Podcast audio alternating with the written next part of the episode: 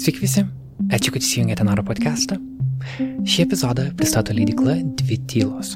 Kaip jie patys sako, leidžiame knygas, kuriamis tikime, mums įdomios tikro gyvenimo temos.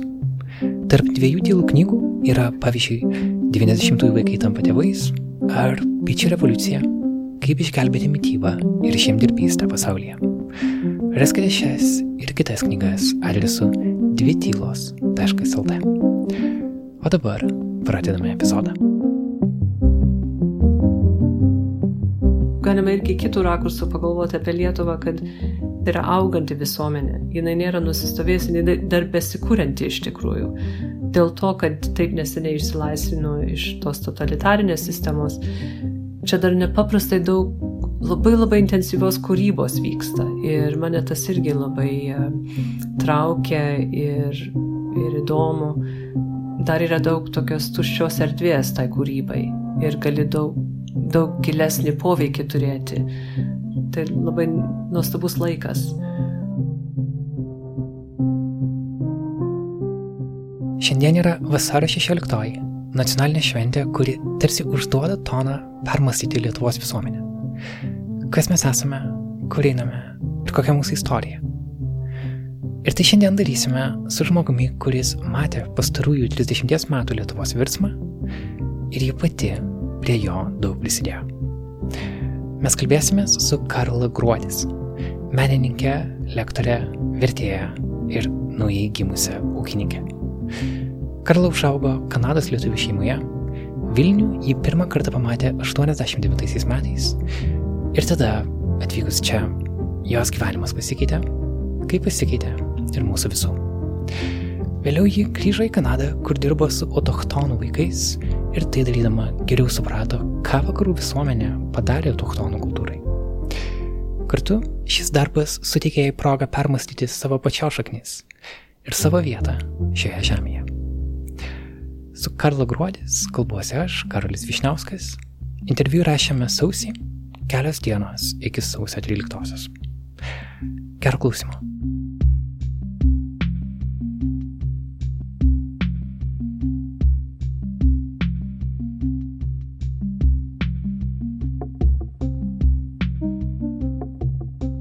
Mūsų buvo tokia maža grupelė išeivių vaikų, kurie buvo atvažiavę. E, buvo Edis Tuskenis, e, Darius Čiuplinskas, vėliau Daina Kalendraitė ir kiti, Rita Dapkutė. Ir mes tiesiog atsidūrėm, būdami tikrai jauni, nu 20 kelių, man buvo 4-24 metai, baigę studijas, dar beveik visi buvo baigę bakalaurus ir tiesiog nusprendė atvažiuoti, nes, nes buvo nepaprastai įdomu, kas, kas darėsi Lietuvoje ir, ir mus tiesiog traukė, mes aš tikrai ne, nežinojau, kokia mano rolė bus atvykus, aš tiesiog norėjau čia būti. Tai mes, kadangi mes anglų ir lietuvių kalbas mokėjom, uh, nors mano lietuvių tada buvo tikrai labai labai silpna, aš ją tik tai faktiškai su tėvais virtuviai naudodavau labai mažai, uh, bet mes atsidūrėm tokioje pozicijoje, kad, kad mes buvom labai naudingi, kad mes galėjom tarpininkauti uh, tarp Lietuvos politikų ir užsienio spaudos, kuri pradėjo plūsti į Lietuvą. Ir tuo metu, nors kaip dabar visi beveik kalba angliškai, nu bent visi, kas vyresni už jaunesni nei 60 metų, turbūt visi žmonės kažkiek anglų kalbos moka ir jauni visi labai laisvai, bet e, tuo metu tikrai labai mažai kas kalbėjo angliškai. Tai, tai, tai buvo labai visai kitoks e, kontekstas. Tai mes turėjom garbę faktiškai atlikti tą tarpininkavimo rolę. Tai buvo daugiausiai darbas ruošiant spaudos anonsus, verčiant spaudos anonsus anglų kalbą. Aš Kanadai per visas savo bakalauro studijas aš dirbau studentų laikraštį. Tai aš ir turėjau, ne, nors studentiškas, bet iš tikrųjų tokias neblogas žurnalistikos žinias ir patirtį. Tai man visa tai buvo labai pažįstama. Aš kažkaip žinojau, kas kas tai yra spaudos anonsas, ten kaip, ko reikia straipsniui, ar, ar ko, ko, ko žurnalistam gali reikėti. Tai tiek jie mane susirado, tiek aš dirbau ir aš labai daug teikdavau informacijos e, tiesiogiai užsienio žurnalistam. Uh, New York Times, Washington Post, Newsweek, uh, Kanados CBC, BBC, tiesiog ke, tie keli žmonės, kaip aš, dirbom dažnai kaip tokie vertėjai, vadinasi, fixer, tokie žmonės vietoj, kuriem galėjo paskambinti, sakyti, nu, dabar aš atvažiuoju iš Maskvos biuro, poryt man reikia su to ir to ir to susitikti, arba, arba jie klausdavo, su ko man reikia susitikti, kas vyksta ir ką man reikia, ką man reikia sužinoti. Tai buvo irgi toksai ne tik tai e, susitikimo organizavimas, bet iš tikrųjų taip net formavimas to informacinio lauko, kuris jiems reikalingas buvo.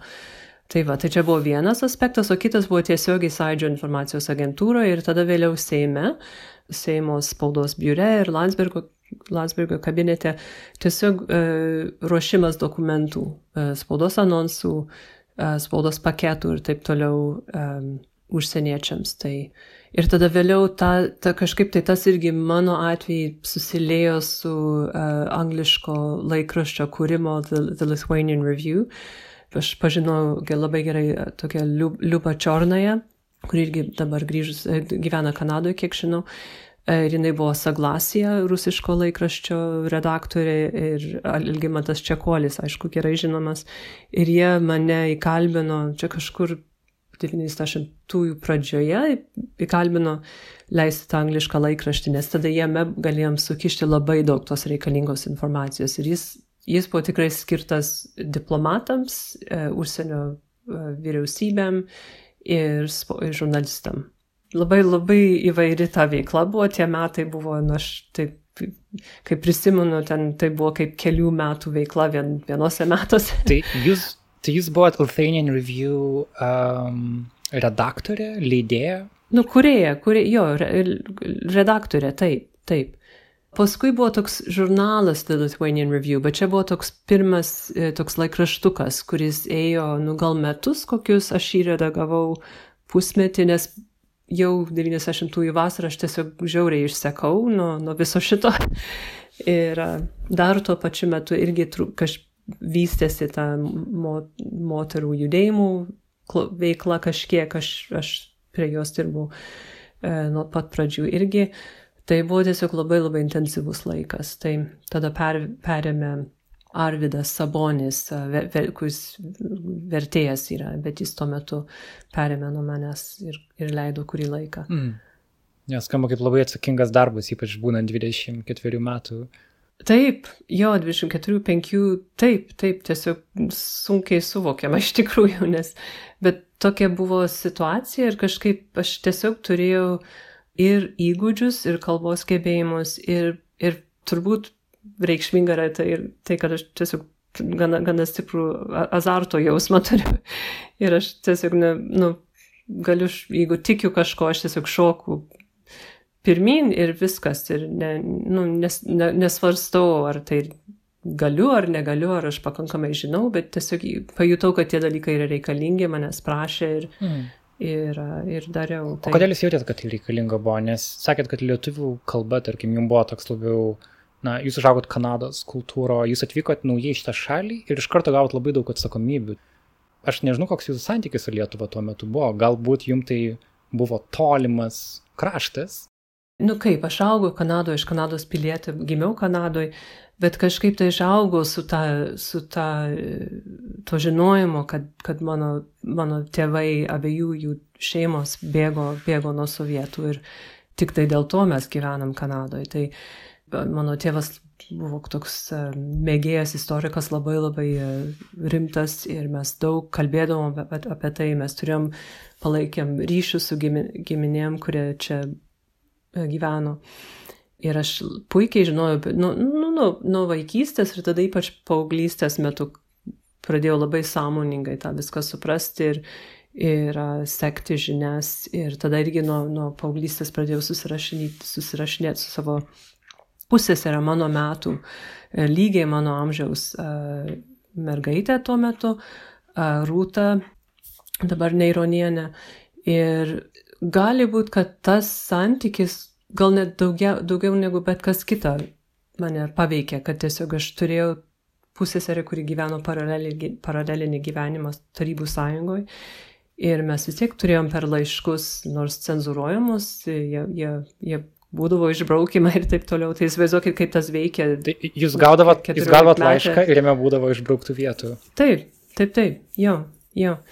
Ir aš, aš augau su ta žinia, kad nu, tie žmonės, nu, jie neturėjo laisvės ir kad mes, mes net negalėjom jos aplankyti, nu, jeigu mes, iš mūsų šeimos nieks nevažiavo į Lietuvą, nes kažkaip ne, nenorėjo būti sak, sakami ir, ir riboti tam, tam bendravime, nes jeigu tu norėjai iš Kanados tuo metu važiuoti į Lietuvą, tai tu turėjai gyventi Lietuvos viešbutį, viešbutį galėjai būti savaitę, tave sakė KGB visiškai atvirai, nu, ir tas pats, ir giminės negalėjo atvažiuoti. Ir irgi kitas labai lemiamas dalykas, kad tos rūtos močiutė, mano, mano močiutės sesuo, Birutė Vosiliutė, jinai atvažiavo į Kanadą, tai būtų turbūt 86-7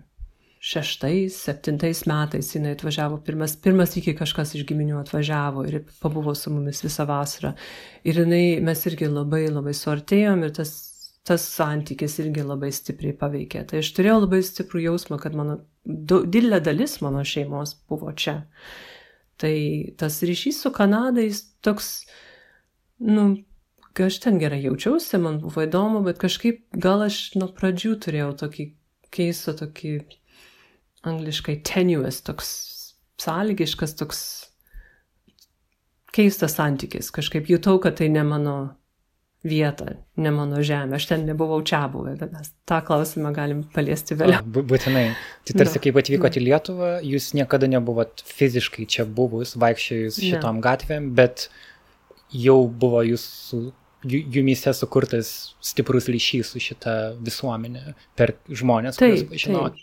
Jo. Ir kai atvažiavau, aš tiesiog ir vietą Vilnius mane tiesiog pakerėjo absoliučiai.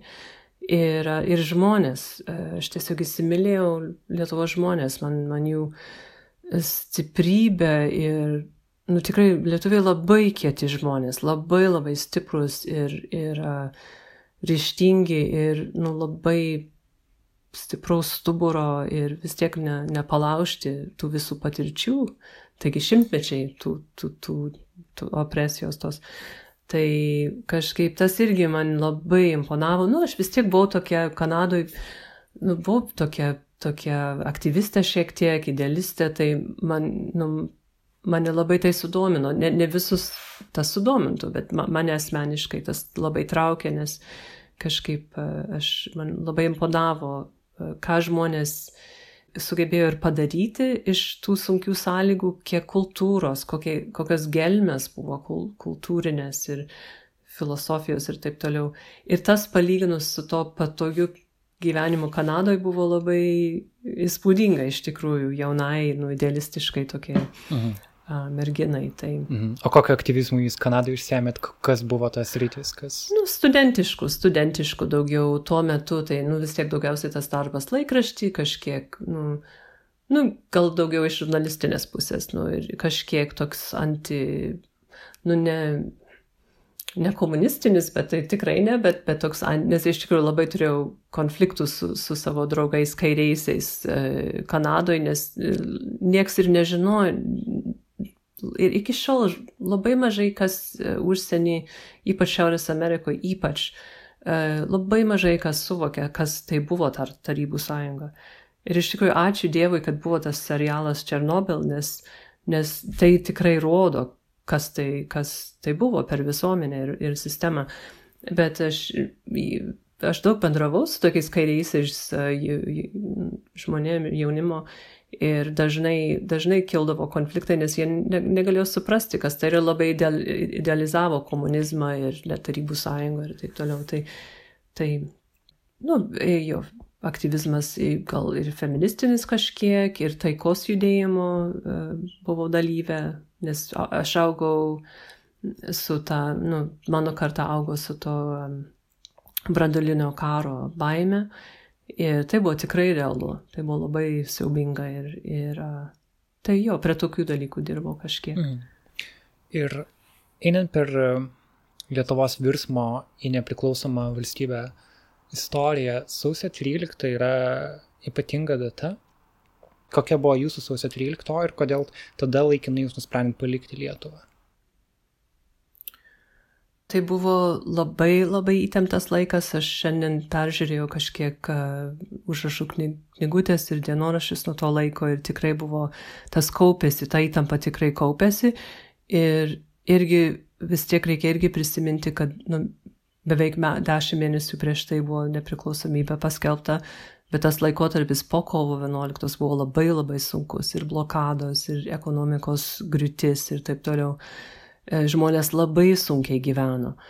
Uh, tai dabar jo, jeigu pagalvojam, kaip, kaip sunku žmonių paprašyti, kad neitų į, prekybos centrus kelias savaitės, o tadagi žmonių per kelis mėnesius algos tapo beveik ne, nu, penktadalių tiek vertingos, kiek buvo, ir kainos, kainos labai kilo, ir prekių trūko ir taip toliau. Tai buvo tikrai įtempta, įtempta ir ta grėsmė iš Maskvos buvo labai reali. Ir irgi reikia prisiminti, kad dar nebuvo uh, užsienį pilnas pripažinimas Lietuvos valstybės naujos. Tai to jau to laiku aš jau nebedirbau kaip žurnalistė, aš jau buvau tikrai pas, pradėjus dirbti intensyviai prie moterų studijų klausimo ir ruošiausi pradėti skaityti seminarą Vilnius universitete apie moters koncepcijos istoriją ir feministinę teoriją. Ir tas turėjo prasidėti iš tikrųjų kažkur vasario vidury. Ir uh, tai aš tiesiog nebebuvau politikoje, žurnalistikoje, buvau daugiau kaip nu, privatus asmo, bet sekiau tos dalykus ir kažkiek dar teikdavau tos informacijos, dar buvau šaltinis iš tikrųjų gana, gana dažnai žurnalistam ir jeigu kas kart laiks nuo laiko paver, pavertėjaudavau, taip toliau. Tai, o kai atėjo tas laikas, tą, tą vakarą mes su vyru, mano vyru tuo metu Darium Čiplinsku, mes būdėjom prie Seimo ir aš neprisimenu, kodėl, ar kad buvom ilgai būdėję, ar kas, aš neprisimenu dėl ko, bet tiesiog grįžom namo, gal, gal kuriam laikui, bet tiesiog taip gavosi, kad kai mes grįžom namo ir, ir įvyko įvykiai visi. Ir uh, mes gyvenom Šnipiškėse netoli poligono, kur, kur dabar šiaurės miestelio visa irgi prekybos centrai. Tai tiesiog labai gerai prisimenu, kad gėrėm arbatą virtuvėliai savo ir pradėjo dundėti tankai. Ir girdėjosi tas, tas tankų važiavimas per, per gatvės, žiūrėjom televiziją, viską sakėm per televiziją. Ir tai buvo tikrai siaubinga. Ir tikrai nebuvo aišku, kaip baigsis. Aišku, buvo Gorbačiovas ir taip toliau, bet jis turėjo labai daug priešininkų. Ir, ir galėjo, galėjo visai būti, tikrai galėjo visai būti. Tada kitas e, labai reikšmingas ar svarbus faktorius buvo, kad mano mama, abu tėvai buvo pasitraukęs, pabėgęs su tėvais, e, būdami vaikai ir mano mama buvo labai mažytė, jinai buvo šešių metų, kai 44 išvažiavo. Ir jinai buvo uh, praradus tėvą savo Vytautą Meilų keliam metam, aš, nes jis Štutofo lagerį kalėjo, nežinojo arba ar atsiras tėvas. E, pusė giminės buvo ištremti, tai ta maža mergytė patyrė visą tai. Ir kai prasidėjo, jiems tėvams iš viso buvo tikrai sunku stebėti, kas, nu, kas vyko Lietuvoje ir, ir jie jautė tą, tą pavojų per visą tą laiką. Bet per sausio 13 tai tikrai buvo aišku, kad jis kažkaip pakilo į kitą lygį Ir mama, mano mama tiesiog maldavo, kad išvažiuotume, tiesiog maldavo, sakė, aš negaliu šito pakelti paprasčiausiai, kad, kad galėtume vėl, kad galėtume būti atskirti šitaip. Ir tai tiesiog iš tikrųjų labai nenorom išvažiavom, tai buvo labai sunku ir mes, tai buvo kaip liktai pasikartojimas tėvų, mano tėvų kartos pabėgimo. Išvažiavom traukiniu naktį labai toks jautėmės atplėšti, kažkaip tikrai jautėmės kaip tokie dislokuoti pabėgėliai ir tai buvo tikrai labai liūdna. Sekėm žinias per, per trumpųjų bangų radiją, ten, kai sustojo traukinys keisti bėgius ir, ir tuo metu pradėjo bombarduoti Iraką. Tai tas irgi pakėlė tą pavojus lygį, nes visi bijojo, kad dėmesys eis į Iraką ir tada rusai galės ką tik nori čia daryti. Tai žodžiu, tokia buvo patirtis, bet tas irgi kažkaip tai dar pat, patvirtino ir pagilino tos jausmus, kad čia priklausau ir norėjau grįžti ir tada mes praleidom penkias kokias savaitės Vokietijoje, Briuselį, kur um, kažkiek padėjau Emanueliui Zingeriui, kuris buvo vienas iš, iš politikų, sąjūdis išsiuntė, nu, Lietuvos valstybė išsiuntė keletą politikų, kurie galėtų atstovauti Lietuvai, jeigu kažkas įvyktų. Tai ten aš jam padėjau organizuoti susitikimus, kažkiek talkininkavau. Ir tada po to, kai aprimo dalykai, tada grįžom. Ir tada vėl tęsiasi ta veikla, kažkaip grįžom ir, ir gyvenimas pradėjo aprimti kažkiek ir tada aš netrukus po to pradėjau dėstyti universitete. O pati apie politinę karjerą nesvarstėt, negavo tokių pasiūlymų? A, buvo, laiks nuo laiko buvo tokie pasiūlymai, net, net po dešimt metų aš grįžau į Kanadą gyventi ir kai net grįždavo, aš atsimenu vieną kitas iki, nu jo, vienas politikas iš, iš tevinės, tevinės sąjungos keletas iki pasiūlė, sakė, kandidatuokis, ir, bet aš nežinau, aš tam neturiu aš manau, aš turėčiau uh, galvą tam darbui, bet turbūt sveikatos neturėčiau. Kažkaip aš ne, nesu labai stip, kaip pasakyti, ne, aš kažkiek turėjau tokių chroninių lygų ir, ir aš tiesiog ne, ir gal per daug jautrumo, kad tiesiog aš e, iki tam tikro lygio galėjau labai gerai funkcionuoti toj tarpiai, bet tada aš tokiom tikrai kietom politiniam kovom aš net, neturiu mano netoks organizmas kažkaip tai. Tai, nu. Mm. Tai kažkaip ne, ne, niekada ne, rimtai nesvarščiau. Supratau. Tai tuomet jūs nuėjot į akademinę karjerą ir jeigu teisingai suprantu, vienas iš jūsų nuopelnų yra tai, kad Vilniaus universitete 92 metais buvo įkurtas lyčių studijų centras, kuris likščiol yra gyvas. Ir Jūs buvot viena pirmųjų tokių vienytojų feministinės bendruomenės, galbūt galima taip sakyti. Kaip jūs prisimenate laiką ir kodėl buvo svarbu e, Vilniaus universitete pradėti tokias studijas? Kaip, kaip galų galia ar jas pavyko lengvai pasiūlyti, ar patys universiteto bendruomenė, studentai, kaip jas buvo žiūrima? Čia gal reikia suprasti labiausiai, kad tuo metu, nors ir vyko labai dideli politiniai pokyčiai, bet net nuo sąjūdžio, nu, gal ne pačiam sąjūdžio įkarštį, bet tiesiog kai tik prasidėjo tas valstybės formavimas, jis iš karto buvo kontingentas žmonių uh, ne vienoj grupėje, bet atskiruose partijose, organizacijose, kurie, uh, nu tai daugiausiai moteris buvo, kurios suvokė, kad uh, reikia dirbti ir tam plane, kad vienas iš uh, dalykų, kurios e, tarybų, tarybinė sistema atėmė iš Lietuvos per tą laikotarpį, buvo natūralų lyčių santykių ir rolių vystimasi. Kai tik pradėjo atsiverti pasaulis, iš, pasaulis iš karto daugybė moterų ir, ir, ir vyrų kažkiek taip pat nuo pradžių matė, kad kažkaip va čia Lietuvoje vienokie santykiai ir dinamikos ir taip toliau, ir kultūra tais klausimais ir vakaruose visiškai kitokia. Ir kad, kad e, tai, mot, aišku, daugybė moterų tą iš karto pastebėjo ir atsirado politinėse partijose, e, moterų grupės e, partijų viduje Ir atsirado visokia veikla, buvo daug, daug veikiančių moterų toj srity. Dabar tos studijos uh, irgi, tas irgi lygiai grečiai vyko ir net kai aš pirmą atvažiavau į Lietuvą, aš buvau, mano, studijos, mano pačios studijos buvo anglų, anglų literatūros, bet aš turėjau labai stiprią koncentraciją tose lyčių studijose, nes, nu, granai iš susidomėjimo, tai aš buvau labai gerai įsigilinus stipriai į tą visą klausimą ir gana gerai žinojau teoriją ir taip toliau.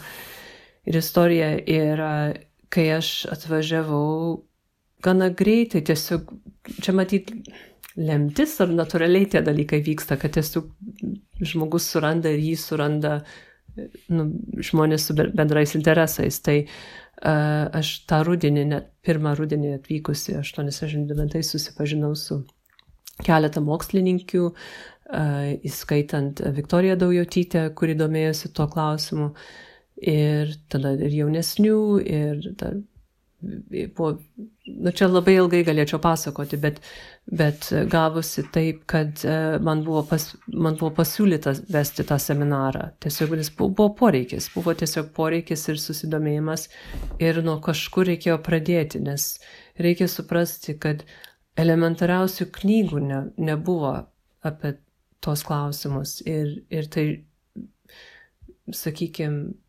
literatūros, istorijos, filosofijos mokslininkės, kurios norėjo domėti, nu, tyrinėti tos klausimus, neturėjo, neturėjo net ką skaityti. Tai aš buvau atsivežus savo visą biblioteką ir ją pradėjau iš karto atvykusi skolinti, knyg, skolinti knygas.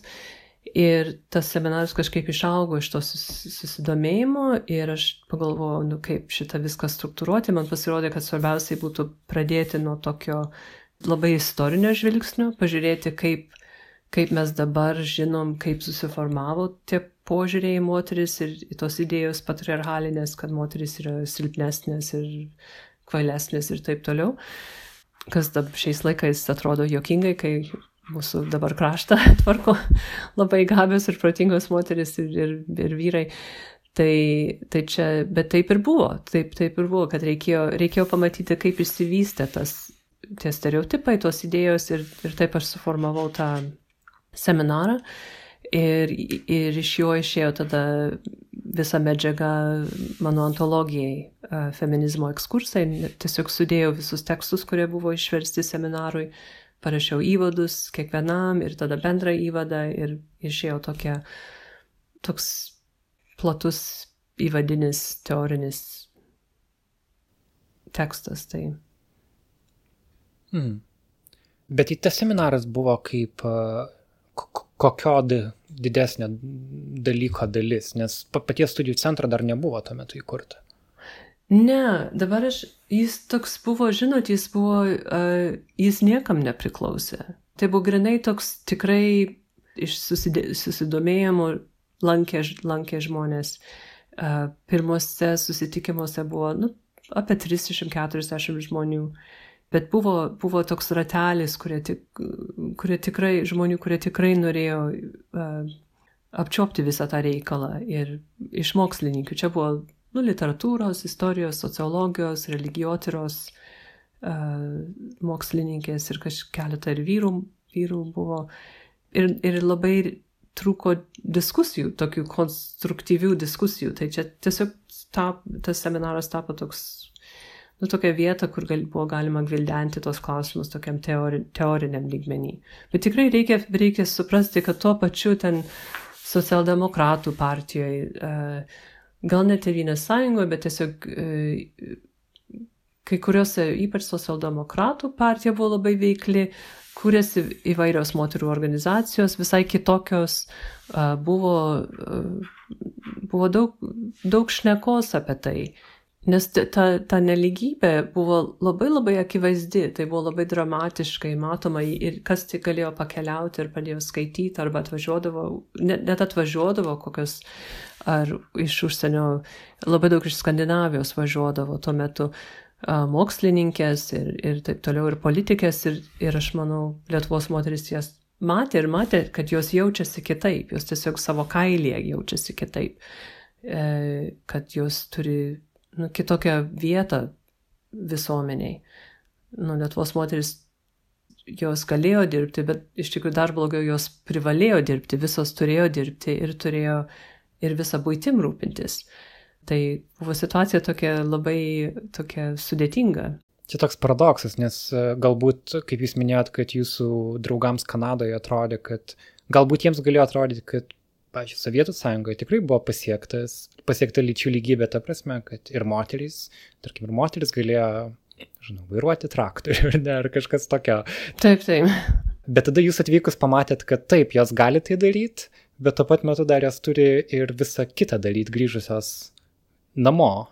Aš niekada ne, neužmiršiu vieną, vieną ministrę vieno, vienoje iš Lietuvos nu, pirmų vyriausybių, jinai man pasakoja, kaip jinai po darbo važiuoja namo ir tada jinai, jinai turi vakarienę ruošti, ap, ap, apsipirkti, ruošti ruošt vakarienę, valyti būtą ir rūpintis vaikais. Tai viena, nu viena, tai būdama ministrė.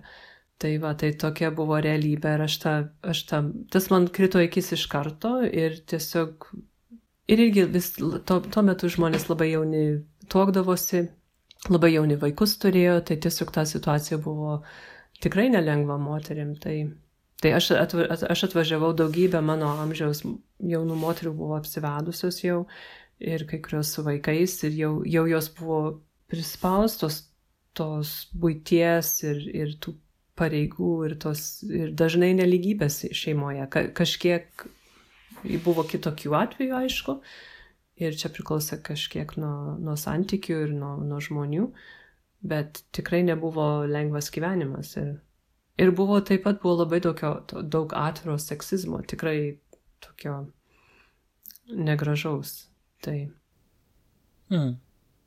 O kai jūs apie tai kalbėdavot, ar, žmo, ar žmonės tai primdavo, ar sakydavo, kad taip, gerai, kad jūs pastebit, gerai, kad apie tai kalbat, ar kaip tik sakytų, kad jūs užaugot kitam kontekste, jūs e, ne iki galo suprantat, gal jūs norit mum kažkokias svetimas vertybės įsiūlyti. Net ir dabartinėje Lietuvoje vyksta daug tokio kultūrinių kovų, kur jeigu tu pradedi kalbėti apie LGBT žmonių teisės, apie trans žmonių teisės. Na, yra tam tikros ribos, kur atrodo, kad, na, ne, čia, čia ne Lietuvos reikalas, čia vakarų vertybės, kurias norima kažkaip Lietuvai įbrukti. E, ta kultūrinė kova nėra pasibaigus. Man įdomu, kaip tuo metu buvo. Ar jūs bandydavo pristatyti kaip kažkokią svetimą ir nesuprantančią Lietuvos? Ir ką jūs tokiais atvejais darydavot?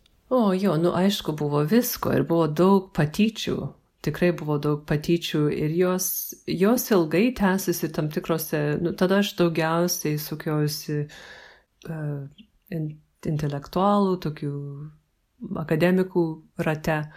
Ir jame tikrai buvo ir patyčių, ir tokio, ir kritikos, ir, ir pykčio, bet aš, aš nieko, mano pozicija buvo visada, kad aš nieko nedarau, ko manęs neprašo. Jeigu, jeigu manęs prašė tą daryti. Tai nes buvo poreikis ir aš, aš čia nebuvau, aš savęs nematau, nemačiau kaip kažkokia evangelistė, kuri ten būtinai turi tą daryti nu, dėl savęs, kad aš turėjau skleisti tas žinias. Tiesiog tai buvo tas pats Darius Čiuplinskas tuo metu darė tą patį kitose mokslo srityse, humanitariniuose moksluose labai padėjo, padėjo per knygas, per atviros Lietuvos knygos programą padaryti visokius svarbius kitus tekstus prieinamus Lietuvos mokslininkam. Tai, e, tai čia buvo dalis bendro proceso. Tai aišku, visada buvo, visada buvo kritikos ir, ir to. Ir tas pats ir Kanadoje buvo irgi. Tai aš labai aš su savo tėvu visą jaunystę labai kovodavau tais klausimais ir jis labai tyčiojosi iš manęs.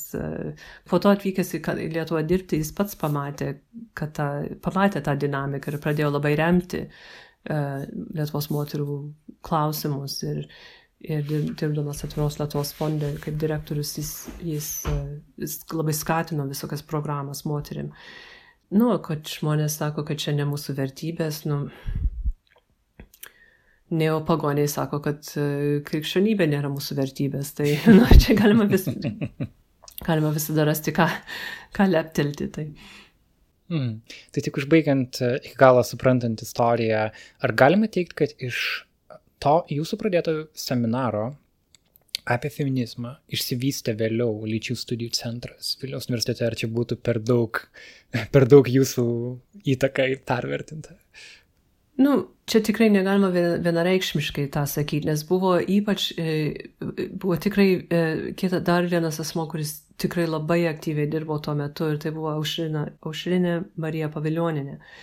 Ir jinai buvo ir anglų literatūros profesorė. Ir lygiai grečiai jinai net iki mano atvažiavimo, aš manau, jinai jau, jau buvo seniai domėjusi tais klausimais. Ir aš manau, kas įvyko, kad tiesiog atsirado kritinė masė žmonių, kurie matė, kad tai yra reikalinga.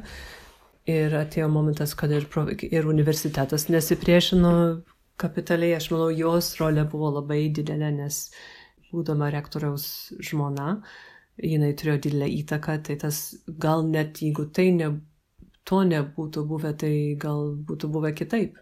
Gal universitetas gal nebūtų mus, mums leidęs kurtis tuo metu, nes tai buvo gana anksti iš tikrųjų galvojant apie visus procesus. Tai, tai čia daugiau kritinės masės, aš manau, klausimas. E, nu, aš, aš tikiuosi, kad, kad padėjau ir tikiu, kad manau, kad kažkiek padėjau, bet, e, bet buvo tiesiog labai daug energijos aplink tą, ir, ir, tą klausimą ir, ir vienas žmogus niekada nieko nepadaro tokio reikšmingo socialiniai plotmėje arba čia, čia reikia, reikia daugiau žmonių ir labai daug pastangų.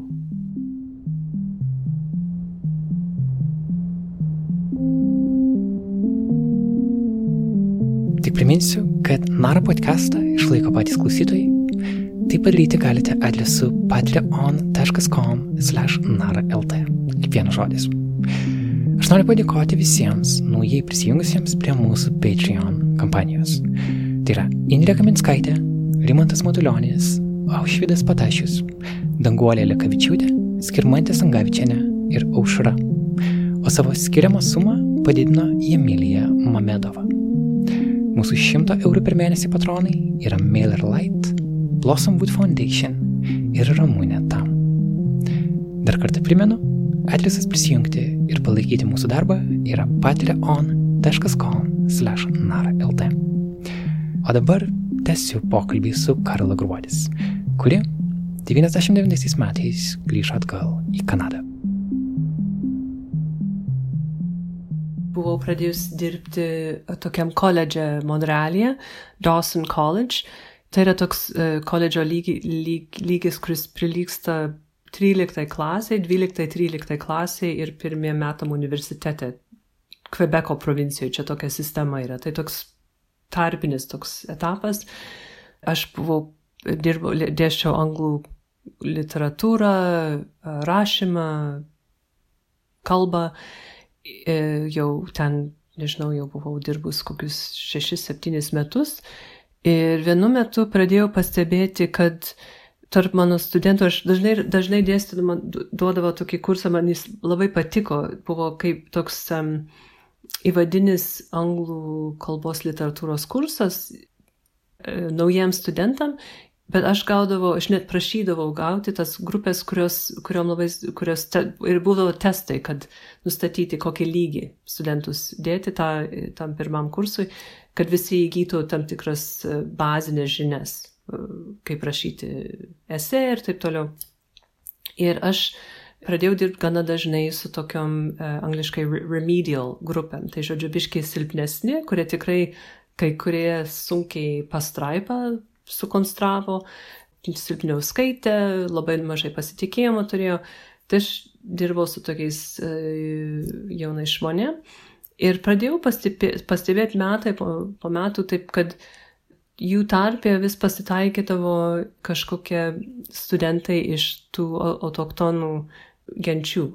Iki tol aš apie tai tikrai nieko, nieko nežinojau, neturėjau pažįstamų iš tų žmonių, tiesiog apie tai negalvojau, kaip daugybė kanadiečių. Ir kai pradėjau su jais bendrauti ir išgirsti jų istorijas, kurios buvo labai labai dramatiškos dažnai, Kartais jie buvo atvykę pirmas iki didmesti iš šiaurės kažkur labai toli su tėvais ir seneliais, kurie nebuvo baigę studijų jokių daugiau negu vidurinės.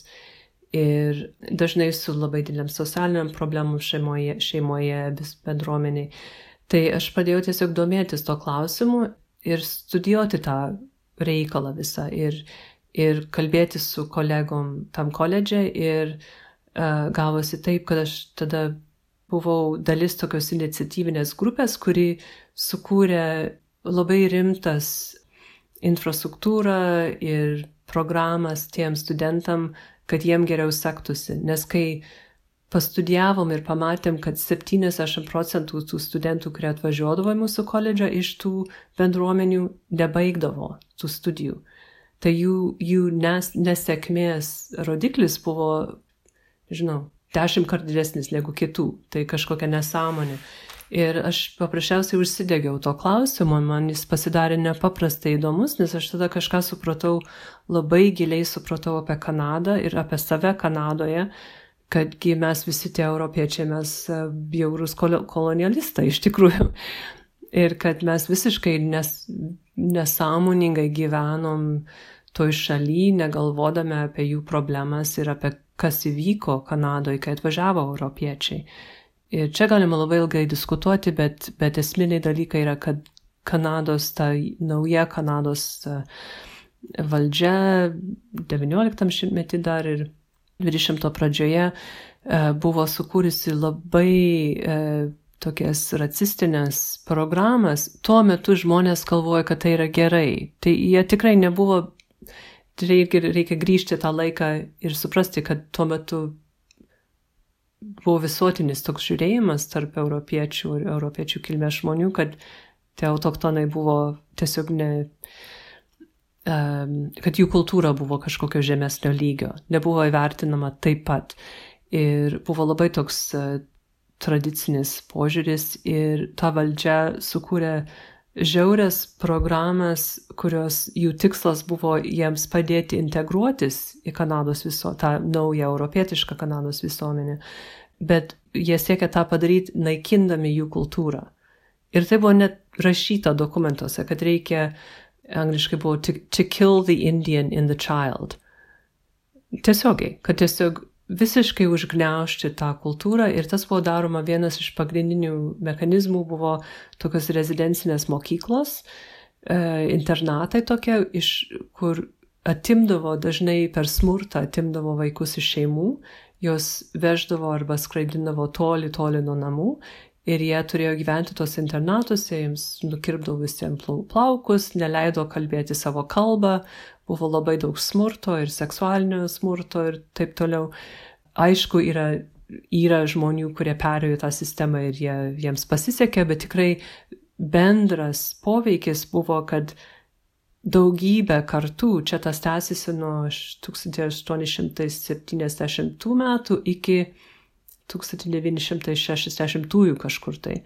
Ta programa veikia beveik šimtą metų kad e, tiesiog užgneušti tą kultūrą ir poveikis buvo, kad visos tos kartos patyrė didžiulę kultūrinę traumą ir iš tikrųjų buvo prarastos kalbos ir papročiai ir taip toliau.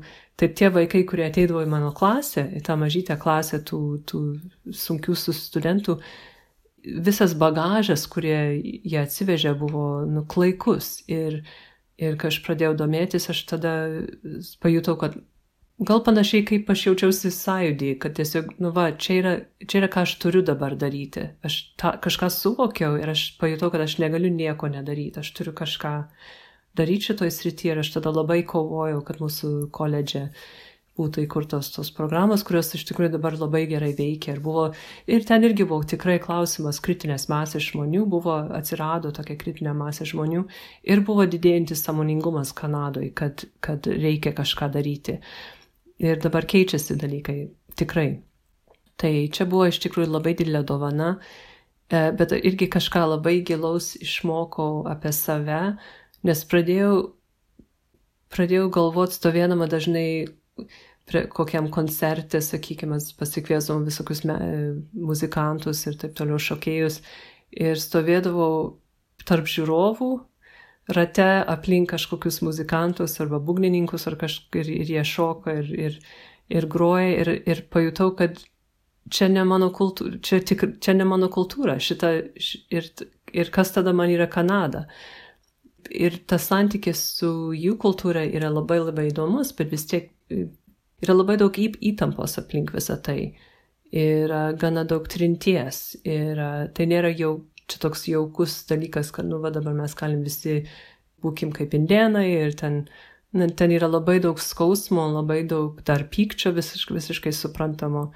Ir tada aš pradėjau prisiminti, kad, kad aš turiu vietą, kur aš tikrai pati esu autoktonė. Ir kodėl man ten nebūti. Ir, ir aš jau ir taip seniai norėjau, visada, visada norėjau grįžti. Jūs turite omeny, kad ta vieta yra Lietuva? Taip, taip, jo. Aha. Nu tiesiog aš pasilgau to jausmo, kad, kad aš galiu būti vietoj, kur aš tiesiog priklausau, kur aš turiu šaknis, kur mano šeima turi šaknis ir taip toliau. Ir kad tai yra labai, labai vertinga, nes tie autoktonai tie First Peoples uh, labai daug kalba apie tą šaknis, apie žemę ir taip toliau. Ir tai yra labai nuvertinta šiais laikais. Bet reikia irgi prisiminti, kad mes gyvenam didžiulės nu, susvetimėjimo ir atskirties laikais, kur žmonės dažnai gyvena be, nu, gal jie susikūrė savo pasaulį kažkur kitur, bet, bet um, kartais jie praranda daug per tą procesą. Ir tiesiog aš pasilgau to jaukumo, kad aš būčiau namuose savo ir, ir, ir tada supratau kažką apie savo tą tokį uh, sunkumą vėl nuleisti šaknis Kanadoje, kažkaip jos. Bet aš ir, kada grįžau į Kanadą, aš niekada net planavau būti visam laikui. Aš tiesiog norėjau pastudijuoti, padirbti biški ir tada norėjau grįžti. Ir taip galiausiai padariau su, su jau dukra mano pradėjau studijuoti Olandijoje, Adelė ir su šiuometiniu nu, dabar visam laikui vyrui, e, vyrui Jurgiu Vaitkūnu mes e, grįžom, jis irgi lietu, liet, Kanados e, lietuvis, grįžom čia gyventi pastoviai, tai prieš jau keturis metus. Tai. Mhm.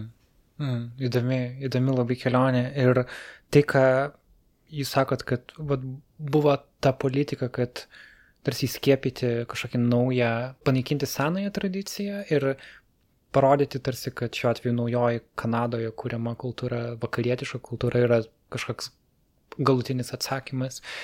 Įsivaizduoju, kad kai Lietuva siekia išsilaisvinti iš Sovietų sąjungos ir priartėti arčiau vakarų, tokios šalis kaip Kanada arba kaip Junktinės valstijos, jos ilgą laiką buvo matytas kaip pavyzdžiai, kad tu turėtum tarsi daugiau, tarkim, daugiau Amerikos Lietuvoje yra gerai iš principo. Ir su tuo paraleliai ateina laisvos rinkos ideologija ir daug kitų dalykų. Tai man įdomu jūsų požiūris dabar į, į tą Lietuvos norą būti labiau kaip vakarais. Galbūt Lietuva turi tam tikrus dalykus, kaip tarkim ryšys su ta pačia gamta, su žeme galų gale, ką kaimo gal netgi kultūra, kurie literatūroje taip aprašyti. Daugelis Lietuvos rašytojų ten apie medžius rašydavo, ar mes dažnai iš to uh, būdavo šaipamasi, kad sakytų, neįdomios knygos, viena apie gamtą rašo, arba kinas sakytų, kad irgi labai lėtas, gyvų, labai, labai... Tie dalykai buvo kritikuojami ilgą laiką, galbūt dabar vyksta pokytis ir suprantam, kad gal iš tikrųjų tai yra saugotina, gal, gal, gal tai yra dalis mūsų identiteto.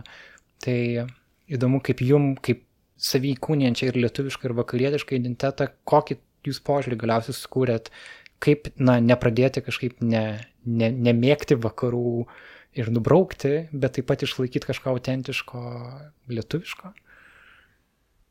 Nu, čia jūs labai gražiai pats pasakėt, kažkaip artikuliavo tas mintis, kurios, kurios man labai savos yra.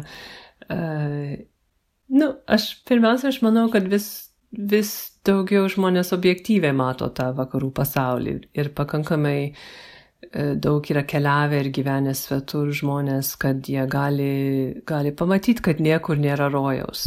Pirmiausiai.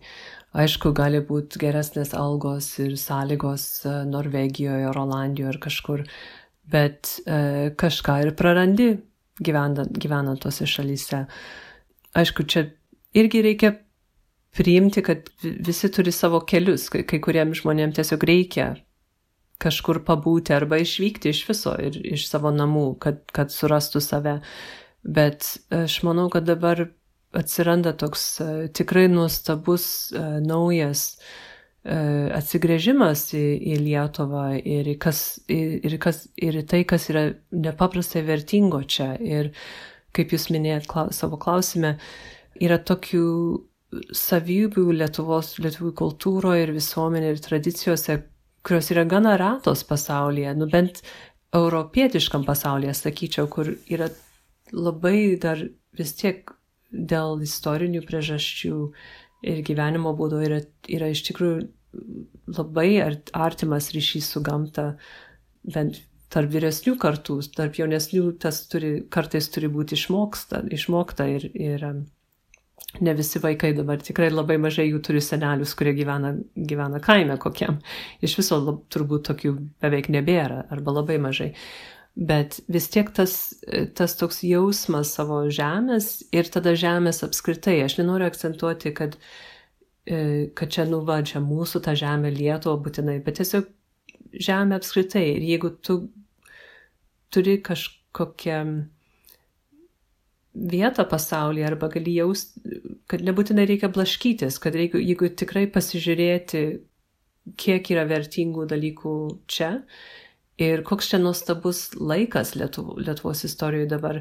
Aš labai norėjau čia būti dabar, nes dabar yra tas jau matom, nu, tik 30 metų praėjo nuo sausio 13, bet mes gyvenam labai sėkmingoj, nepaprastai gražioj ir daug humaniškesnėje vakarietiškoje šalyje, kuri dar turi, turi fantastišką gamtą, labai daug, uh, labai daug miško palyginus su kitose vietose pasaulyje. Ir turi dar labai stiprius ryšius su, su gamta ir tradiciniu gyvenimu, iš ko galima labai labai daug išmokti. Tai vien tokie dalykai kaip uh, aš turbūt neturėjau nei vienos draugės Kanadoje, kuri žinojo, kaip uh, arba lab, vieną kitą labai mažai, kurios žinojo, kaip rauginti daržovės ar panašius tokius tradicinius dalykus. O čia tos žinios yra dar mano kartuo yra labai gyvos. Jaunimas gal turi išmokti iš naujo, bet, bet ir aš turiu išmokti iš naujo, nes mano močiutė tų dalykų nedarė, bet Bet yra, ir čia yra labai, ir tie dalykai yra dabar nepaprastai aktualūs šiais laikais, jeigu galvojame apie klimato kaitą ir visą pasaulinę apskritai padėtį, kuo daugiau žmonių gali gyventi arčiau gamtos ir žemės ir, ir tokio tradicinio gal gyvenimo ar senovinio gyvenimo būdo, aš manau, tai, yra, tai to geriau yra gamtai. Kuo, kuo mažiau mes keliaujam ir blaškomės po pasaulį ir ieškodami pramogų ir ten, aišku, visi nori pagulėti ant šilto pležo ir aš irgi nu, visai, visai tai būtų smagu, bet jeigu, jeigu piškiai apsiraminam, suprantam, kad gal, gal tiesiog galima išbūti tą žiemą žiemos metu ramiai ir tada vasarą turėsim daug, daug saulės ir šilumos. Tai aš nežinau, ar dažnai apie šitą yra kalbama, bet galima irgi kitų rakursų pagalvoti apie Lietuvą, kad tai yra nepaprastai įdomu, nes tai yra e, įdomi vieta, nes tai yra auganti visuomenė. Jis nėra nusistovėjusi, jinai dar besikūrenti iš tikrųjų. Dėl to, kad taip neseniai išsilaisvino iš tos totalitarinės sistemos, čia dar nepaprastai daug labai labai intensyvios kūrybos vyksta. Ir mane tas irgi labai uh, traukia ir, ir įdomu. Uh, Ir aš manau, kad gal ir jaunimas pradeda tą matyti, nes vis tiek vis dažniau girsti, išgirsti apie žmonės, kurie pastudijavo, gavo labai tokius rimtus laipsnius vakarų šaly, kokio ir, ir nusprendė grįžti į Lietuvą ir čia kurti savo ar verslą, arba savo profesiją sek, siekti. Nes jie supranta, kad čia galima, čia laisviau galima kažką kurti iš dalies, nes dar labai daug ką yra ko reikia sukurti. tai tiesiog dar, dar yra daug tokios tuščios erdvės tai kūrybai ir gali daug, daug gilesnį poveikį turėti. Uh, tai aš manau, kad tai yra tai labai nuostabus laikas. Mm. Labai įkvepiančiai skamba.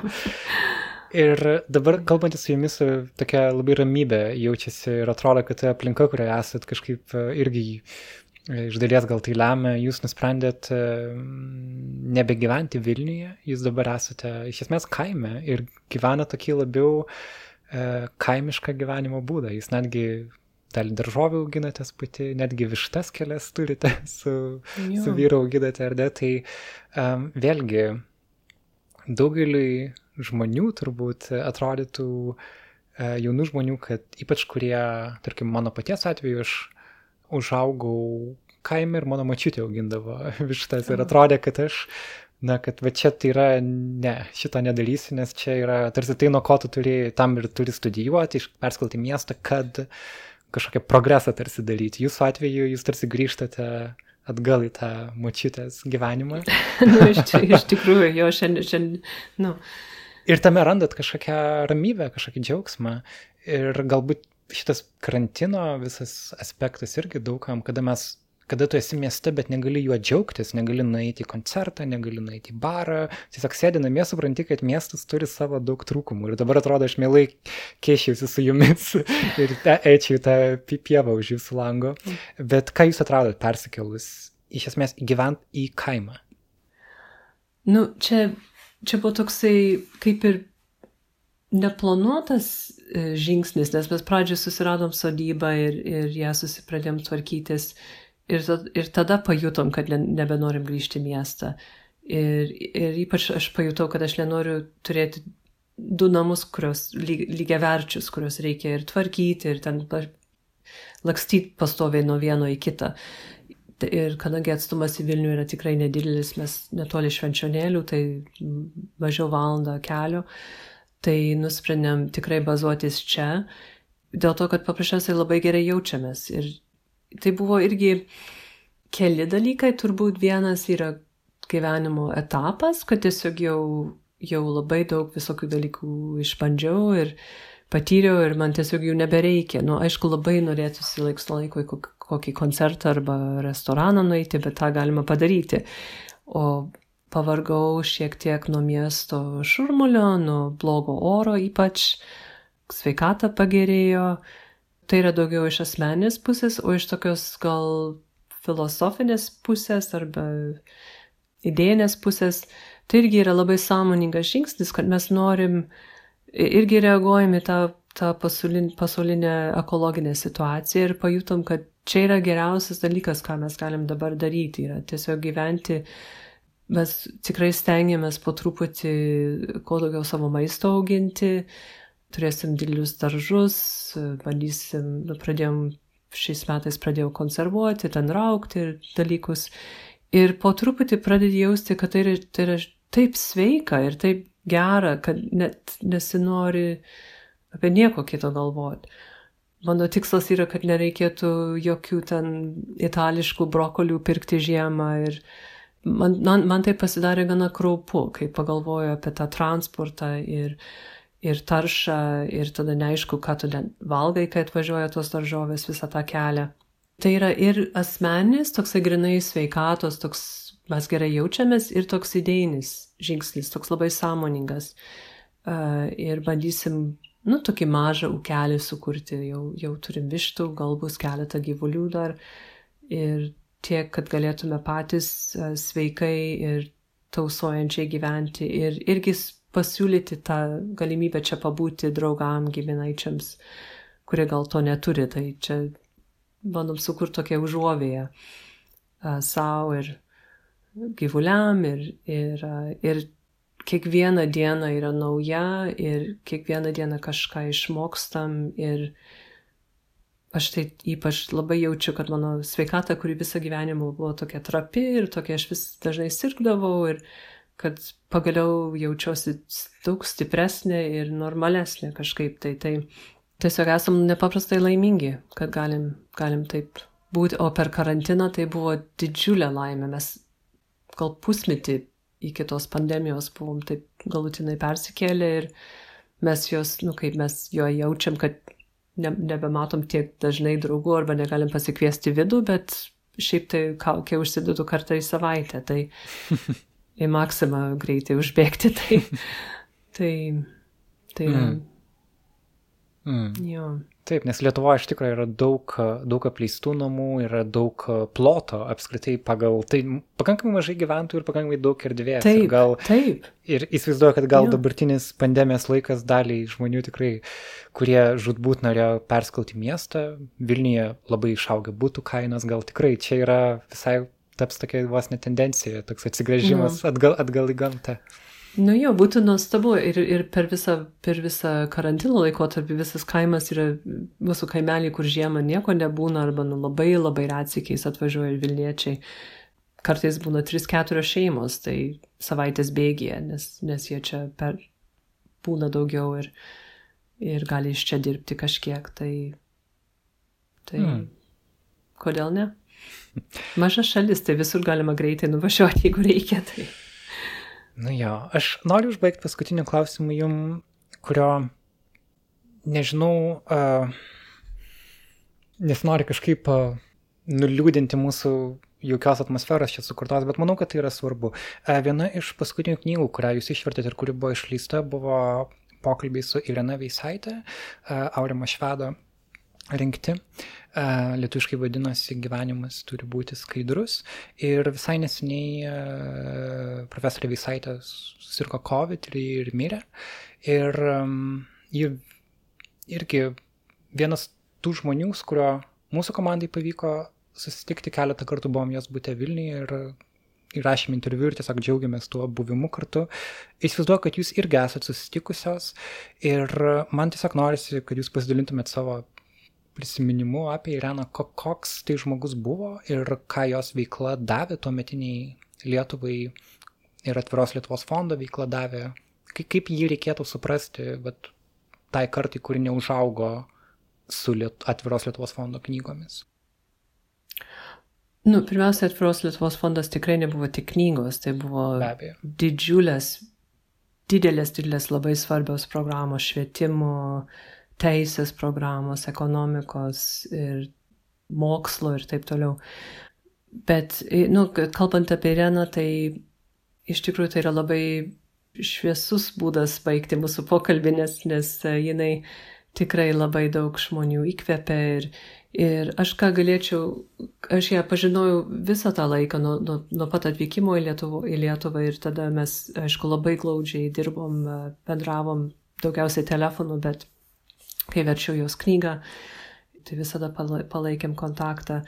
Bet ką aš labiausiai apie ją prisimenu, tai kokį įspūdį man padarė, kada pirmą rudenį, kai, kai atvažiavau, Mes gana greit su ją susipažinom, su Darium Čiplinsku ir praleidom daug nuostabių vakarų jos virtuvėje, jos būte, kalbėdamėsi su ją, su keliais intimiais draugais. Ir per ją kažkaip tai aš kažką suvokiau apie Lietuvos ir kultūrinį pasaulį. Ir, žodžiu, jinai man buvo kaip langas į, į kažkokias šitos visuomenės kultūros gelmes, jinai kažkaip įvedė mus į tą kontekstą labai, labai reikšmingai. O jos, o Dieve, jinai tiek, tiek daug žmonių paveikia, tiesiog net sunku, sunku uh, susumuoti ir aš tikrai ne tas žmogus, kuris tą gali padaryti, bet ta jos atvira širdis svarbiausia, aš manau, buvo. Ir jinai iš tikrųjų man vienam iš paskutinių susitikimų jos putė jinai minėjo jūsų komandą ir kaip jūs buvote apsilankę pas jūs ją. Ir, ir, ir, sakė, ir jo, jo, ir čia, bet čia buvo gal prieš metus ar jo. Nes sakau, būtinai turi susipažinti, būtinai turi susipažinti, nes, nes tau jie bus labai savi, kokie jie nuostabus, kokie šviesus. Tai tiesiog matot, kokie, koks ratas Gerai. užsidaro. Tai, tai jo. Tai Rena ir aš gal daugiau taip, gal nežinau, drįščiau taip ko kosmiškai pagalvoti, kad tai yra tiesiog, nu, vienas nu, iš tų žmonių, kurie jau skleidžia arba jaučia tą nu, pozityvumą ir, ir idealizmą ir, ir, ir pritraukia ir, ir skatina kitus tokius žmonių, žmonės. Tai manau, jai visai patiktų šitą idėją, kad mes čia kalb, kalbėjome šiandien. tai. Gera girdėti tai. Ačiū Jums, Karl, labai už Jūsų laiką. Dar šviesu už lango, tad siūlau baigti pokalbį čia ir eit pasidžiaugti šituo rytu sniegu, kurį dabar turim. Tai būtinai ir man labai malonu. Nu, ačiū Jums. Dėkui, gražaus laiko Jums.